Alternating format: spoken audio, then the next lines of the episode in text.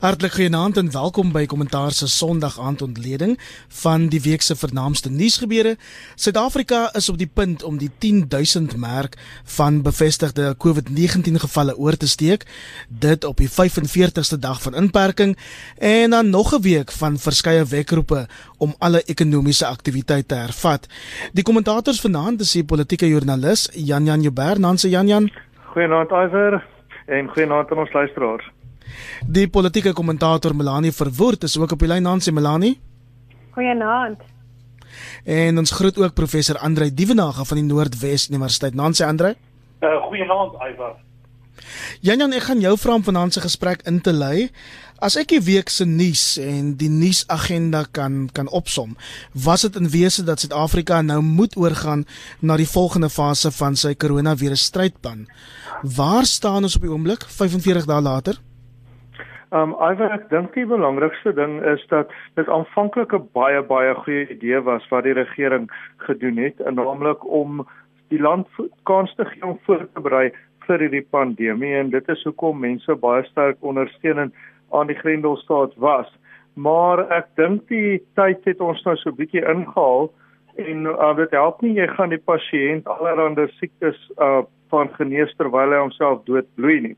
En ek dink dit is wat ekonomies wat uh, met ons gebeur op die oomblik. En ek het 'n klein gediggie daaroor opgespoor. Ek sien Marzaan Botha skryf in 'n rapport beleef vandag oor die tydperk van prohibition toe um, alkohol in Amerika heeltemal onwettig was. En um, ek het self ook daaroor gelees ja vir 'n paar weke saam met die oor die groot griep van 1918 want mens kan altyd leer uit die geskiedenis uit. En hier's 'n gediggie uit 1927 oor prohibition. Prohibition is an awful flop. We like it. It can't stop what it's meant to stop. We like it. It's left a trail of graft and slime. It's filled our land with vice and crime. It don't prohibit worth a dime. Nevertheless, we're for it. Dis omtrent vir die regering se se ingesteldheid hierso en ek dink um wat 'n goeie idee was, het nie 'n goeie idee gebly nie. Mense moet aanpasbaar wees en dit raak nou tyd om terug te keer na 'n vrye demokrasie en 'n vrye ekonomie. Mense weet waarvoor hulle versigtig moet wees. Tyd vir die regering om sy burgers te vertrou. Melanie, hoe regverdig is dit om te sê dis nou tyd om aan te beweeg ons moet die ekonomie ekonomie hervat? Ehm um, en ek het hierdie week heelwat stellings gehoor soos Suid-Afrikaners is skeelvol van die inperking, Suid-Afrikaners is gereed om ekonomiese aktiwiteite te hervat. En dit maak my net toenemend bewus van die verskillende Suid-Afrikas wat nog daar buite bestaan, Melanie. Want kom ons wees eerlik, dis nie asof almal in elk geval gelyke kansse tot hierdie ekonomie het nie. Hoe versoen ons hierdie wêrelde in die harde pad wat nog vir ons voorlê? Ja, kyk, die eerste ding wat ek dink is belangrik om te sê is dat nie een van ons drie op die kol vanaand is op die program vanaand is epidemioloog of viroloog nie. En as daar een ding is wat ek geleer het baie jare terug van Tabo Mbeki af, is stick to your lane, soos die Engelse gesê het, daai tyd wat hy met HIV begin rondspeel het. En Hier is verskriklike klomp slim mense van die beste in die wêreld is besig om elke dag vir die regering advies te gee oor wat hulle moet doen in terme van hierdie pandemie. Daar's baie baie min wat seker is oor hierdie pandemie, nie net in Suid-Afrika nie, reg oor die wêreld. Daar's baie min wat hulle nou al weet oor hierdie pandemie.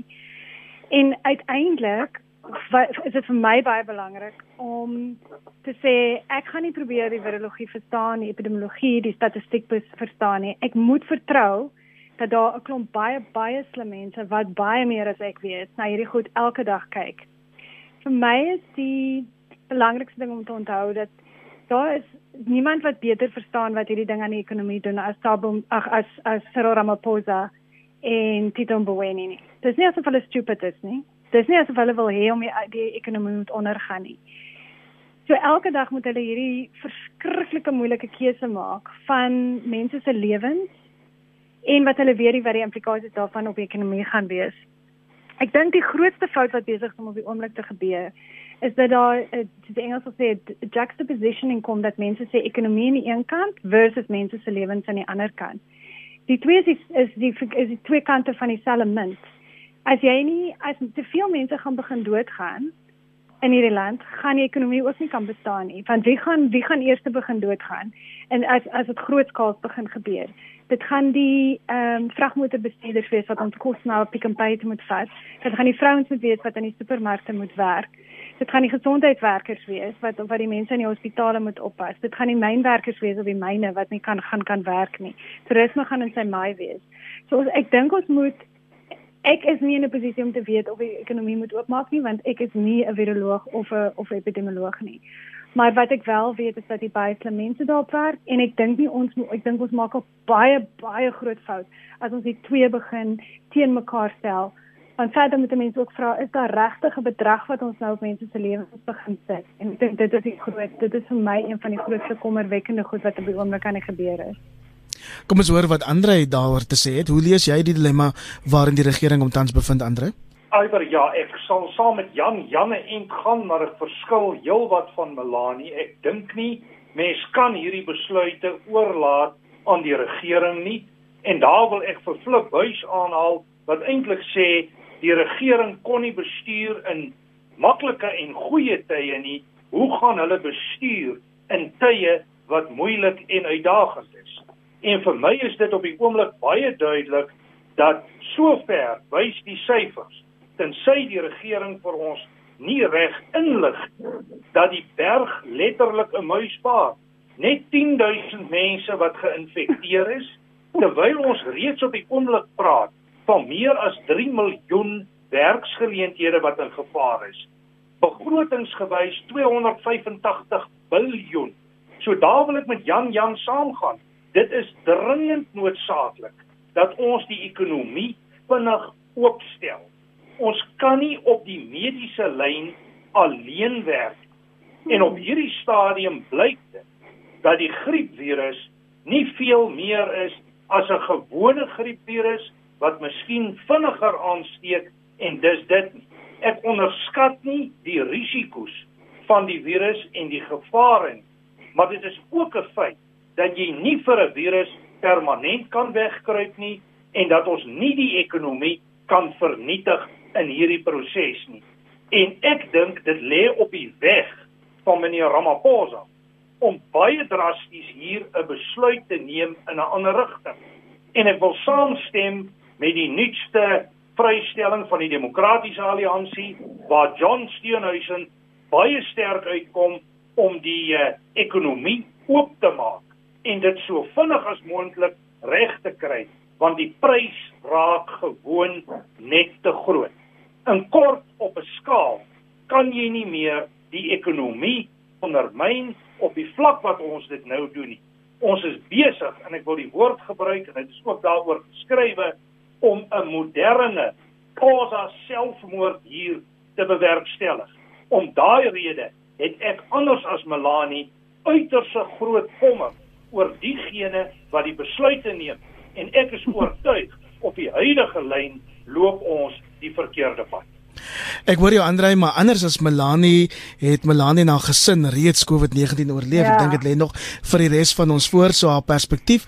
Ehm um, is is 'n baie persoonlike belewenis uh -huh. wat die mhm. res van Suid-Afrika nog nie het nie, maar voor ek by jou Melanie wil jy daarop reageer voor ek vir Janjan oorgee? Ja, ek wil graag daarop reageer kom ek sê vir mense, as jy self deur hierdie epidemie gegaan het en dan het jy 'n ander perspektief. Ons hele gesin het dit gekry in die middel van Maart toe daar nog nie druk op die mediese stelsel was nie. Hoe genaamd op die stadium wat ons dit gekry het was dit maar so, dit was die tweede week na die eerste geval daar was. En ek en my sien dit is nie baie ernstig gehad nie, maar ons was lekker siek geweest. My dogter het baie baie siek geraak en sy het 29 geen onderliggende vers, uh, gevalle nie uh, ander gevalle en an, ander mediese goed nie. Ehm um, sy het gesond, ons het met die kliniek kon ons bereik. En wat ek vir mense sê, ek dink dis een van die grootste probleme wat ons op die oomblik het oor die mense se reaksies. En dit is dat mense nie meer bang vir die virus nie. Ons het goed ons my dogter het soos van alles seker begin word En die enigste rede kom ons nie vroeër 'n krisis gehad het is omdat 'n man 'n paramedic is en hy kon help. Maar daar was 'n dag wat ons al moes invat met die kliniek toe want dit was toe al oor 10 dae en sy kon nie meer asemhaal. En laat ek sê as jy jou kind buite met die kliniek moet aflaai en die mense in die spacesuits kom uit en hulle vat jou kind in in IC ag in in in medikliniek in en jy weet nie of jy ooit vir jou kind sal sien nie. En dit is 'n gesonde kind en dit is iemand wat en en dit is mense ons wat wat 'n baie goeie en sterk immuunstelsel het. Ons is nie een van die 2.5 miljoen Suid-Afrikaners wat wat HIV positief is wat nie op ARV is nie en daarom geen immuunstelsel het nie. Dan dink jy so 'n bietjie anders daaroor. Dan dan dan regtig waar dink jy anders. Ek dink in elk geval is mooi kyk net om terug te kom na die politiek toe wat John Steenhuisen gesê het. John het gesê dat hulle moet die die sektore van die soos ek het gelees het, die sektore wat jy veilig kan oopmaak, moet jy begin oopmaak. Ek dink nie enigiemand het 'n probleem daarmee nie. Niemand sal daarmee 'n probleem nie insluitend in Cyril Ramaphosa. Ehm um, en ek dink nie dis waar die dis waar die daar is nie waar daar moet onmin wees nie. Die vraag is net of jy oornag die ekonomie heeltemal kan oopmaak en hmm. onmiddellik. En weer eens, dis nie iets wat ek dink enige van ons het genoeg kennis daaroor nie. As dit nie die regering en nie die eksperts is wat die land moet bestuur nie, wie is dit dan, Andrei? Wie moet dit dan bestuur? Potse akademici of die besigheidswêreld? Wie moet dit bestuur? Ehm um, en ek dink waar ek en jy gaan verskil is dat jy dink dat Cyril Ramaphosa nie 'n beheer is op die oomblik nie en daar is jy's net feitelik te heeltemal verkeerd daar. Ehm um, en ek dink dit is dit is miskien waar waar die punte van ons meer verskil. Ek dink nie daar's 'n probleem met wat Jan gesê het in terme van die sektore oopmaak en ek dink dis presies wat soos ek dit lees wat die regering wil doen. Kom ons hoor wat Jan Jan daaroor te sê het Jan Jan. Ja, ek wil eerstens sê ek so dankbaar dat albei die uh, gesprekgenote uitgespaar is, um Melanie um van die koronavirus en Andrei van die vreeslike aanval in sy huis waarvan ons gelees het. So ek dankbaar ons kan die program hoegenaamd hê. Maar ek weet nie of die um Melanie en jy sou weer eens met die tong in die kies het ek het sê as hierdie die tweede groot um cattle killing is dan um, is jy dalk non kousie vanaand want as jy wat vir die mense hierso in 'n rigting lei. My gevoel is en ek is nie gewoonlik so nie dat ehm um, dat ek sit hier tussen twee vure want ehm um, ek uh, voel aan die een kant dat die regering is tog sekerlik ehm um, dit weet ons almal nie eensgesind oor hoe om hierdie ding te hanteer nie. Meneer Mboweni soos gewoonlik het te veel gesê en in die week baie sterk laat blyk daar's 'n verskil. Daar's goeie verslaggewing daaroor in die Sunday Times vandag waar dit sê dit was Dr. Motsoaledi en um Dr. Keys wat vir al die um aanslag gelei het en die mens wil raai Dr. Dlamini Zuma ook. Um wat die aanslag gelei het dat daar byvoorbeeld nie sigarette verkoop moet word nie. Dit gesê, met ander woorde daar's nie 'n totale eendragtigheid nie. Wat die viroloog betref, soos ek verstaan, die laaste keer wat uh, professor Abdul Karim aangehaal is, het hy gesê, "Ja, ons het in 'n groot mate bereik wat ons wou en wat wou ons bereik? Die land was glad nie voorberei op hierdie virus en op hierdie pandemie wat wel nog kan gebeur soos Melanie uitgewys het nie.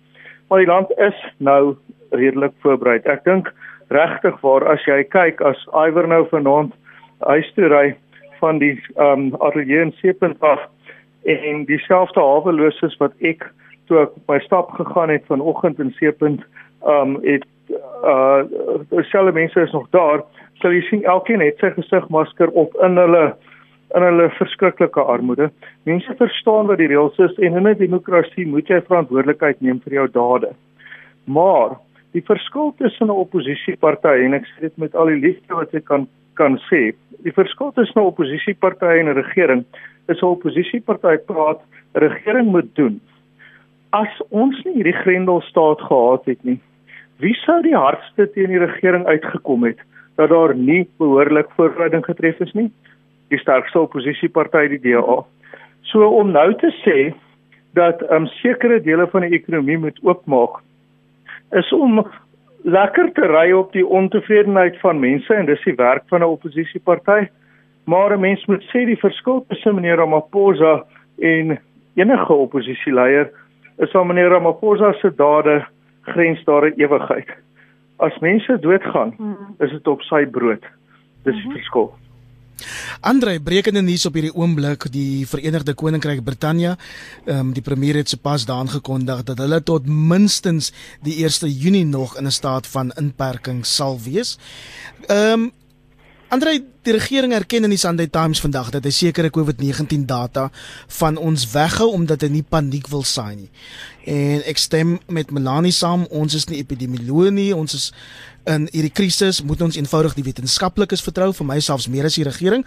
Hoekom sou die staat dan die COVID-19 navorsingsmodelle van ons weghou, Andre? Wel, ek dink dit is die groot vraag en dit is ook 'n groot bekommernis by baie mense dat die staat nie met ons oop kaarte speel oor wat aan die gang is nie. En dit is ook daar waar al hierdie vreemde teorieë en goed ontwikkel omdat mense nie duidelikheid het oor wat die situasie is nie. Ek dink in 'n demokratiese staat waar jy veronderstel is om te werk met verantwoordelike burgers, behoort die staat die inligting beskikbaar te stel en behoort dit nie koevert te wees nie. Wat my betref, sal ek eerder wil weet waar ek staan. En soos iemand ook onlangs gesê het, ek sal verantwoordelikheid neem vir myself in die omstandighede. Die staat hoef nie vir my die verantwoordelikheid te neem nie. Ek sal gegeewe my kennis en my inligting sal ek handel in wat my beste belang is. En ek dink dit is die veronderstelling van 'n demokratiese staat. Die probleem daarmee is dit skep hierdie beelde van 'n diktatoriale staat en ons moet onthou daar is baie wantroue ten opsigte van die ANC regering. Ons kom uit 'n staatskaping omgewing waar 5500 biljoen en 1,5 eh, triljoen gesteel is en dit is weg in die lyne. Nou moet jy daardie regering vertrou met syfers. Die burgery is gewoon ontevrede in die verband. Ek wil net hier 'n ander belangrike punt maak en dit is dat ek dink wat die regering se bestuur betref van die uh, eh, COVID-19 proses, het hy so 'n week, 2 weke gelede 'n kantelpunt bereik waar die burgery eintlik op 'n manier gesê het ons kan nie meer nie, ons wil nie meer nie, ons gaan nie meer nie. En ek voorsien dat die burgery ongeag die besluite van die regering en die groter staatsorde al hoe meer vry gaan begin beweeg en hulle dinge doen. En ek sien dit ook al hoe meer in die omgewings waar ek beweeg dat goed begin normaliseer ten spyte van regeringsdruk. En ek sien dit as die burgery wat sê neem ons ook in aanmerking ons is wesens, kyk na ons gesondheid, maar my pakket en my behoeftelyne is groter as net die mediese gesondheidskomponent. Andre, ek moet vir jou sê, wie is hierdie burgery waar waarvan ja. jy praat ek? Ek sien daai stemme in die, in die in die media maar ek moet vir jou sê ek is nou 45 dae in inperking in die gebied waar ek groot geword het. 8 uit 10 mense is werkloos op die oomblik, maar net so werkloos soos hulle 45 dae gelede was. Hulle gaan aan met hulle lewens. Hulle is nie tans meer of minder ontevrede met met die regering nie. So Melanie, wil jy daarbey aansluit en dan gaan ek dit teruggooi vir Andre. Ja, ek meen ek ek wou eintlik ook maar daai vraag gevra het, maar die ander punt wat ek dink is dis baie belangrik om te maak en die Sunday Times, soos hulle soos Jan Jan wat dink ek sal getuig, kan maar soms bietjie sien so stories er ag sien hoe sien dit sensasioneel raak. Daar is nou nie 'n kwessie dat hulle besig is om data van ons af weg te hou. Mm, daar dan elke dag is daar dan 'n persverklaring wat sê soveel mense is getoets in die land, soveel mense het dit, soveel mense is dood tot onlangs nou is dit net te veel het ons ons sê hoe oud daai mense is, waar hulle was eh, of hulle onderliggende gevalle het ensovoorts. Daar is oral is daar webwerwe waarop jy kan gaan. Daar's slash uit alles wat hulle nie beskikbaar maak nie en wat die op die oomblik nie want hulle sê dit is nog nie gereed nie is hulle modellering en dit is models waarop hulle werk wat wat weer eens statistiek mense op werk om te kyk hoe hulle wil voorspel wat die virus bees gaan doen oor 'n maand, 2 maande, 3 maande van nou. En een hulle sê dis nie nog nie klaar nie, dis hoekom dit nog nie vrygestel is nie. En die tweede ding is dat hulle natuurlik die hele tyd met data moet werk wat verskriklik vinnig verander. Dis die tweede ding. Die derde ding is dat jy wil nie uh, uh, uh, iets veroorsaak wat jy nie kan beheer nie. Soos byvoorbeeld, kom hulle laat nou skielik kom hulle model sê nou maar en dit totaal en al ek spekuleer nou net. Sê hulle model sê skielik 300 of 500 000 mense kan binne die volgende 3 of 4 maande doodgaan. Wat gaan dit aan ons markte doen? wat gaan dit doen aan die aan die aan die aandelemarkte? En dis modellering. Dis mense wat wat raai. Dis nie dis nie gebaseer op die statistiek wat nou, ek meen hulle baseer dit daarop, maar dis nie feite van goed wat reeds gebeur het nie. So jy moet baie versigtig wees wanneer jy modellering vrysta en ook omdat wetenskaplikes kan verskillend na data kyk. Ek stem saam egter dat ek dink hulle moet vir ons dit gee sodra as wat hulle meer rustig daaroor voel en as hulle vertroue as hulle meer vertroue in die modellering het. Vinnige ander punt, dit dat ons moet oppas met hierdie taal van diktatoriale staat staatshoofde en state en so aan. Natuurlik niemand kan ontken dat daar verskriklike klomp fout gegaan het onder president Zuma nie, maar om werklik te probeer voorgee dat die man wat vir ons die grondwet geskep het, die man wat vir ons die grondwet gegee het, die mees liberale grondwet in die wêreld, dat hy nou skielik 'n diktator gaan raak of homself gaan vereenselwig met 'n diktatoriale staat in die langtermyn is sommer laf en is regtig net om vir mense bang te praat. Kan, Jan, kan ek inkom daar? Ja, ehm um, ek het net 'n paar dinge wat wat ek voel. Eerstens, ehm um, ek dink mense moet baie mooi luister na wat Melanie vandag gesê of nou gesê het oor wat die Sunday Times vandag berig. Dit is nie dat inligting van mense weerhou word nie. Dit is dat projeksies van mense weerhou word en die um, projeksies word weerhou om die redes wat sy gesê het. Nou kan ons sê sê vir ons alles. Maar as jy kyk na byvoorbeeld Suid-Afrika se regtig wêreldklas sentrum teen aansteeklike siektes in Pretoria, hmm. so aanvanklike projeksies en daai mense is uitstekend. Ek ken van hulle, hulle is van die beste in die hmm. wêreld. Nou het hulle gesê die sterfte syfer kan wees tussen 87000 en 350000. Nou, wat help dit jy sit so 'n projeksie uit in die wêreld in? En soos Melanie sê, um, jy nie alleen vernietig jou aandelemark nie, maar in 'n sekere sin ook die vertroue in die land se projeksies in die toekoms. Want die inligting kom vinnig in, dis 'n nuwe ding en die belangrike ding wat keer op keer gesê is deur mense wat lid is van hierdie spanne wat die projeksies doen, is dit is menslike gedrag wat bepaal hoe daai projeksies op die ou end uitspeel. Die tweede ding is dat um met ander woorde hoe mense hulle gedra maak of daai projeksies so werk of nie werk uitwerk nie. Um maar die tweede ding is ek dink 'n mens moet ook oppas um om spesifiek te sê jy kan nie praat vir die kringe waarin jy beweeg nie want in 'n verdeelde Suid-Afrika is jou kringe minder verteenwoordigend as myne ensovoort ensovoort ek dink as ek kyk, ek kan redelik rondbeweeg omdat ons 'n noodsaaklike diens is in die journalistiek. Hmm. En as jy in die middelpunt kom, ek wil nie mense in die moeilikheid bring nie. Maar ek was in 'n groot dorp in die Boland gewees, um twee dae terug. Waar dit in die middedorp lyk soos wat dit elke dag lyk. Behalwe dat omtrent 80% van die mense het um het gesigmaskers op. En kom ons sny deur die nonsens daar's nie 'n wit mens te sien nie. Goed. So dis nie 'n wit mens ding noodwendig nie. En waar bloed nie kan kry nie, daar loop dit. En waar handel nie kan gebeur nie, daar gebeur dit nog steeds. Ek het winkels gesien wat oop was wat regtig regtig nie op noodsaaklike dienste is nie en mense wat daar gaan en hulle geld uitgee om nie te praat van kos koop nie. So die punt hier wat Andrei maak waarmee ek wil saamstem en ek stem nie saam met dat ons hande uitdruk en sê diktatoriaal en dit nie. Maar de, in 'n vrye demokrasie soos wat ons het, moet jy jou bevolking in 'n stadium beginne um vertrou om hulle eie besluite te neem, anders loop ons 'n pad wat die land al geloop het. En ek dink ons het by daai punt gekom. Ek dink um, meneer Mboweni het ook gesê toe hy um met die parlement gepraat het hierdie week dat hy wil um so gou moontlik hê ons moet ekonomiese normaliteit bereik is duidelik dat sowel binne die nasionale uitvoerende komitee van die ANC as binne die kabinet is daar verdeeldheid en op hierdie stadium is die meer totalitêre deel in beheer.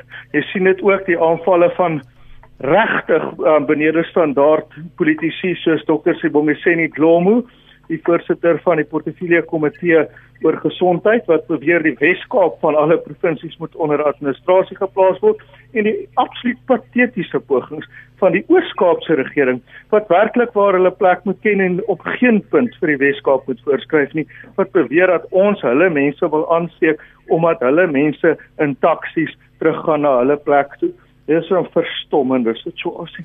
So van die ooskap gepraat, die politieke kommentator Jason Lloyd laat weet nou net vir my, hy reken ons moet hierdie inperking tot vlak 2 verslap en hy sê hy hmm. praat as 'n swart kommentator produk van linkse en nie rassige politiek kyk na al die vakdissiplines nie net die gesondheid nie maar ander ook heelwat mense wat sê ek moet vir jou verslae wys byvoorbeeld dat Suid-Afrika 339 miljard rand verloor het um, in die apartheid jare dat daar verskillende Suid-Afrikas daar buite is dat 'n mens moet oppas vir stelling so ek gaan jou vra om daarop te reageer en dan gaan ek die gesprek vorentoe skuif. Ja ek wil ek wil saamstem met Jason Lloyd dat uh, ons die samelewing moet neem na vlak 2 toe en ek dink dit is belangrik dat ons dit vinniger oopmaak eerder as stadiger om die ekonomie te normaliseer om ekonomiese aktiwiteite uh van die grond af te kry. Ek dink dit is kernbelangrik op hierdie tydstip oor die hele kwessie van demokrasie of diktatuur. Ek wil nie hier ingaan in die teorie van demokrasie en diktatuur nie, maar in kort wanneer 'n staat voorskrifklik raak in terme van basiese vryhede dan is dit 'n diktatoriale tendens. En wat ons hier sien is dat onder die wet op rampbestuur daar bepaalde lyne gespan is, waarskynlik van die mees diktatoriale in die geskiedenis. Nou mense kan sê dit is 'n goeie diktatuur, dit is noodsaaklik want dit is in belang van die mense. Ek dink mense sou daai argument kon voer tot so omtrent 2 weke terug plus minus daarna het dit heeltemal rigting verloor en raak dit al hoe meer problematies.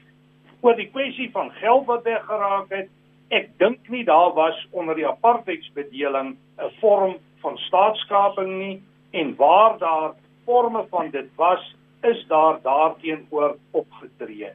Die situasie op die oomblik is baie erger, baie slegter en bo op dit sit ons met 'n scenario van COVID 2019 wat die situasie erger en moeiliker maak. Andre, net om jou reg te verstaan, sê jy dat ja. wat ons tans beleef erger is as apartheid? Is dit wat jy sê? Wel, wat ek sê is die finansiële bedeling en die finansiële verliese wat ons op die oomblik het, is baie groter as wat dit was in die tye van apartheid. En ek dink die syfers wat ook genoem word, bevestig dit. So ek dink daai punt staan redelik sterk. Wat my bekommer is die feit dat daar nie optrede is in die verband nie, maar dit is 'n ander soortige debat. Op hierdie stadium is my kommer dat COVID-2019 die ekonomie met letterlik 285 000 miljoen laat inkrimp. Dit is geld wat ons dringend nodig het om die ekonomie aan die gang te bring en op basis van dit het ek vra oor die voortsetting van die inperking en sien ek dat die inperking eerder losser gemaak moet word en ek stem saam 'n skuwe na vlak 2 is noodsaaklik. Wel in die provinsie waar ek bly, dink ek in die Wes-Kaap en inperking is ek bly in Gauteng. Ehm um, vlak 2? Nee, eerder vlak 20. Melanie, wil jy daarop reageer? Ek wil net vir Andre vra maar hy het ook gesê ek verstaan sy ek verstaan ek stem nie noodwendig saam met hom nie maar sy punt oor ekonomie maar hy het ook gesê dat die inperkings wat ons sien is erger as wat daar ooit ooit van in die hele geskiedenis was. Ek neem aan hy bedoel 94 en nie van voor dit nie wanneer dit kom by regte van mense. Andre Wel ek dink dit hang af as jy kyk na basiese bewegingsvryhede dan is dit ongetwyfeld die ergste wil ek sê selfs van voor 94. Maar oh. as jy kyk na ander politieke vryhede, dan vat jy hom van 94 af verder. Andre ek is 40 jaar oud. Ek stem met jou saam, ek het dit beleef ook. Ehm um, Jan Jan en dit is eintlik Melanie se beurt, Melanie en dan Jan Jan. Ekskuus. Uh, nee, Jan Jan kan maar gaan. Ek sal na Jan Jan praat, dis reg. okay, ek dink um, ons moet um, oppas vir 'n stryd oor 'n beter verlede hierso. Ek mm. meen die hele apartheidstelsel is onvergelykbaar met nou. As jy kyk na in die ekonomie praat ons tog ook van geleentheidskoste. En die geleentheidskoste wat verlore gegaan het om net 1 punt te maak in die vorige bedeling was so omvattend en mense se bewegingsvryheid was ook nie universeel nie. Daar was 'n hmm. daar was 'n geweldige inperking van baie mense en ek neem noem as voorbeeld swart mense in die Wes-Kaap wat um in 'n sogenaamde brein uh, voorkeurgebied vir arbeid was. Almal weet dit. Hmm. En um ja, ek dink nie dis 'n gelukkige vergelyking nie. Ek dink ons moet daarvan afstap. Ek ek uh, dink werklik ons stryd oor 'n beter verlede is nie 'n goeie ding nie. Goed, kom ons kom ons kom ons skuif dan die gesprek en ek stem met julle saam na die Twitter oorlog in die woorde van minister Tito Mboweni oor die naweek um, tussen hom en John Steenhuisen. Wil jy Malani, wat het jy daarvan gemaak? Ehm um, en ek moet vir jou ook sê dis nie asof enige van hulle my vreeslik beïndruk het met hulle nee, ja. heen en weer woorde ja. woorde stryd nie. Ja, hulle was so twee seuns op die speelgrond, jy weet, wat soort van probeer mekaar weet kry het. Nee, dit bevestig my net my punt dat baie min goeie goed gebeur ooit op op Twitter. En dat as jy regtig enigiets ernstig wil debatteer, is Twitter nie die regte forum om dit te doen nie. En dit is hoekom ek self nie daarop is nie. En ek dink as dan hulle se hele dramas ooit vir, vir enigiets geleer het, dan is dit presies daai punt en albei van hulle behoort van Twitter af te bly as hulle iets ernstig wil sê. So ek dink ja, ek dink dit was is ongelukkig en ek dink dit is totaal en al onnodig en ek en ek dink ja, hulle moet hulle moet oppas wat hulle Twitter sê en en saam met dit Andre, um, ons het ook in die laaste paar dae in die in die media gelees dat meneer Mboweni baie druk uit die ANC binnekring self ervaar. Dis ontledings, ek het nie feite daarvan gesien nie, maar jy weet daar's daar sterk ontledings daarvan en hy het ook 'n reeks laatnag tweets uitgesit um, wat daai boodskap suggereer. Het ons hier te doen met 'n verdeelde kabinet Andre? Wel, uh, iwer daar is gerugte van 'n kabinetskommeling en daar's baie argumente rondom die kabinetskommeling. Een daarvan is dat daar interne konflik en spanning is. Ek is bewus daarvan dat meneer Tito Mboweni nie in alle kringe ewe gewild is nie. Vandaar ook die feit dat hy van tyd tot tyd uh, gebruik maak van Twitter as 'n kanaal om op 'n sekere manier ook sy frustrasies aan uitdrukking te gee. Ek dink wel en ek lees die tekens daar dat ons dalk op pad is na 'n kabinetskommeling en die aard van die skuwe daar sal interessant wees, maar ek dink meneer Mboweni kry bepaalde teenstand van binne die ANC. Ek lees dit ook in terme van byvoorbeeld die IMF e lenings, sy ekonomiese beleidsrigting en denke wat in konflik staan met radikale ekonomiese transformasie en wat daarmee saamgaan. So ek dink hy bevind hom in 'n uitdagende situasie. En ek dink miskien hier kan 'n mens noem dat Frans Cronje se ontleding van die drie groepe in die ANC is belangrik. Hy praat van die ideoloë. Ek dink 'n mens sou hier kon verwys na die populiste, aan die ander kant verwys hy na die tegnokrate, diegene met mag en dan verwys hy na 'n kleiner groepie, die hervormers. En sy argument is dat die hervormings se impak op die stelsel baie beperk is en ek dink Tito voel daardie frustrasie omdat hy nie kan verander soos hy wil verander nie en ek dink die hele uitspeel van sake rondom die Suid-Afrikaanse lugdiens is belangrik in die verband. Jan Jan hoor, wat hoor jy? Hoor jy ook dat daar 'n kabinetskommeling op pad is? Uh, nee, ek uh, steur my nooit aan gerugte oor kabinetskommelings nie. Dis 'n goue reël van wat wat ek nou maar in politieke verslaggewing opgetel het, maar ek het nou nie ek het nou nie al die opleiding van die ander mense nie.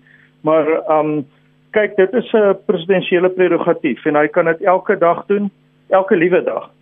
En hy hoef dit nooit te doen nie. Ek dink nie hy sal dit doen in die middel van 'n ramptoestand nie, dit sou verspot wees. So ek kan ek kan my dit nie indink nie. Dit sal op 'n stadium kom. Jy weet dit is 'n bietjie soos die wederkoms. Jy weet dit gaan een of ander tyd gebeur en jy kan aanhou om dit te voorspel en jy gaan nooit verkeerd wees nie en jy was tot dusver nooit reg nie.